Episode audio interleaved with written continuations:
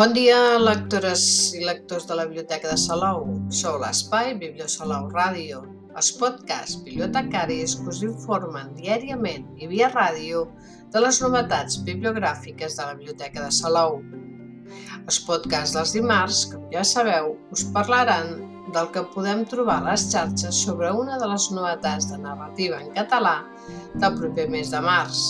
I avui, 15 de febrer, us presentem la novel·la Autopista de Joan Manuel Soldevilla Albertí, publicada per Editorial Columna a la col·lecció clàssica, una de les novel·les de l'edició de 2022 de la Barcelona Negra, el festival literari centrat en el gènere negre que plega durant uns 10 dies editorials, escriptors, periodistes literaris i lectors consumidors d'aquest gènere, que finalitzava precisament aquest diumenge. A la ressenya de la contraportada de la novel·la hi podeu llegir. L'Andrea i els seus petits fills, en Santi, en Víctor i en David, emprenen un llarg viatge en cotxe després de patir una terrible desgràcia. El que sembla una plàcida excursió terapèutica és, en realitat, un salvatge i obsessiu projecte criminal que els arrossega a tots, potser perquè la família que assassina unida es manté unida. Els quatre personatges emprenen aquesta ruta envoltats de TVOs de la patrulla dels castors, obsessionats pels cotxes de la marca Fiat, hostatjant-se Novatels, cantant cançons i devorant quilòmetres per les autopistes d'Europa. Així viuran una estranya road movie, prodigiosa i perversa, que narrada amb ritme inexorable i trepidant, ens mostra com els límits entre el seny i el desequilibri són tan difusos com inquietants.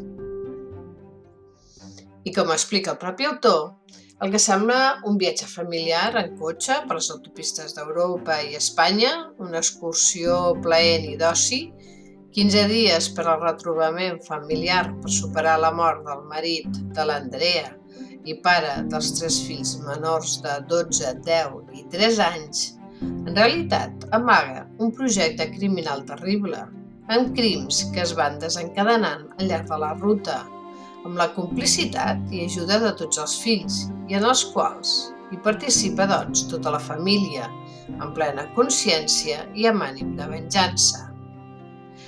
Amb aquesta novel·la l'autor explora què passa quan una unitat familiar sòlida s'autoprotegeix i reacciona amb un impuls salvatge i sense fre quan se sent agredida? La història explora la frontera entre l'estabilitat mental i la coherència de les decisions sobre aquests límits del que és raonable entre el bé i el mal, el correcte i l'incorrecte, la justícia i la maldat, i incideix sobretot per les motivacions del criminal, en aquest cas tota una família, que no només actua motivada per una ansietat de venjança, sinó que busca un discurs filosòfic que pugui justificar aquests crims i consolidar els vincles familiars. En un tipus com aquest de novel·la, els personatges estan molt treballats psicològicament. Coneixem les seves vivències i interioritats que es van descobrint pàgina a pàgina són personatges, els infantils, que conviuen en un món de literatura, concretament en l'univers del còmic, els TVOs, que l'autor coneix molt bé. La novel·la té 320 pàgines i 32 capítols sense enumerar. L'acció narrativa es construeix al llarg del viatge, en present, però recorrent els múltiples records anteriors que s'intercalen en forma de petits flashbacks i que permeten tenir una idea global de la història. Amb elements propis de les pel·lícules de road movie, de carretera, i algunes obsessions que es van repetint en la novel·la, com els còmics que llegeixen els nens, els hotels on s'allotgen, les sèries que miren, i també amb tocs d'humor i situacions divertides a la reproducció de les converses i situacions amb els nens. El ritme és trepidant, amb molt de diàleg i frases curtes, ràpid de llegir i entretingut, que atrapa segons les opinions que hem recollit de qui ja l'ha llegit. llegit. Autopista és l'última novel·la escrita per l'autor, Joan Manuel Soldevilla. I què en sabem de l'autor? Joan Manuel Soldevilla Albertí va néixer a Barcelona el 1964. És professor i catedràtic de literatura a Figueres des de fa més de 30 anys. Escriptor i especialista en publicacions de còmics i literatura popular, popular i un tintinòleg. Estudiós de la literatura i dels mitjans de comunicació de massa, és autor de més d'una trentena de llibres, la major part assaig i estudis dedicats al món del còmic i la il·lustració i la literatura clàssica. Un dels seus darrers llibres publicats analitzava precisament les relacions entre els còmics de Tintín i la gran novel·la de Cervantes, que té el títol de Del Quijote a Tintín, Relaciones insospechadas entre un libro de burles i un TVO infantil, publicat l'any 2020.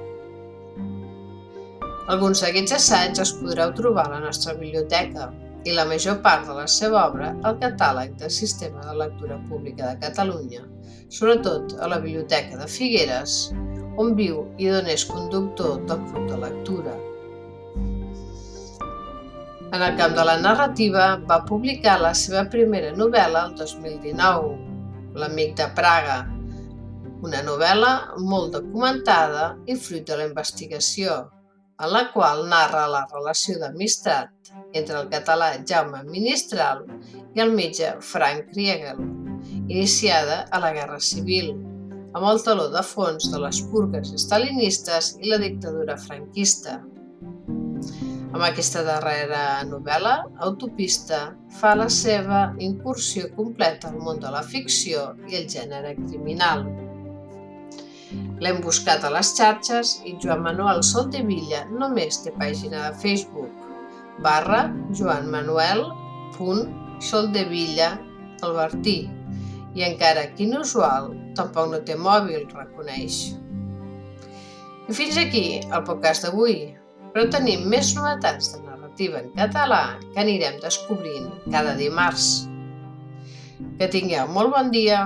I molt bones lectures que us acompanyin en el dia a dia.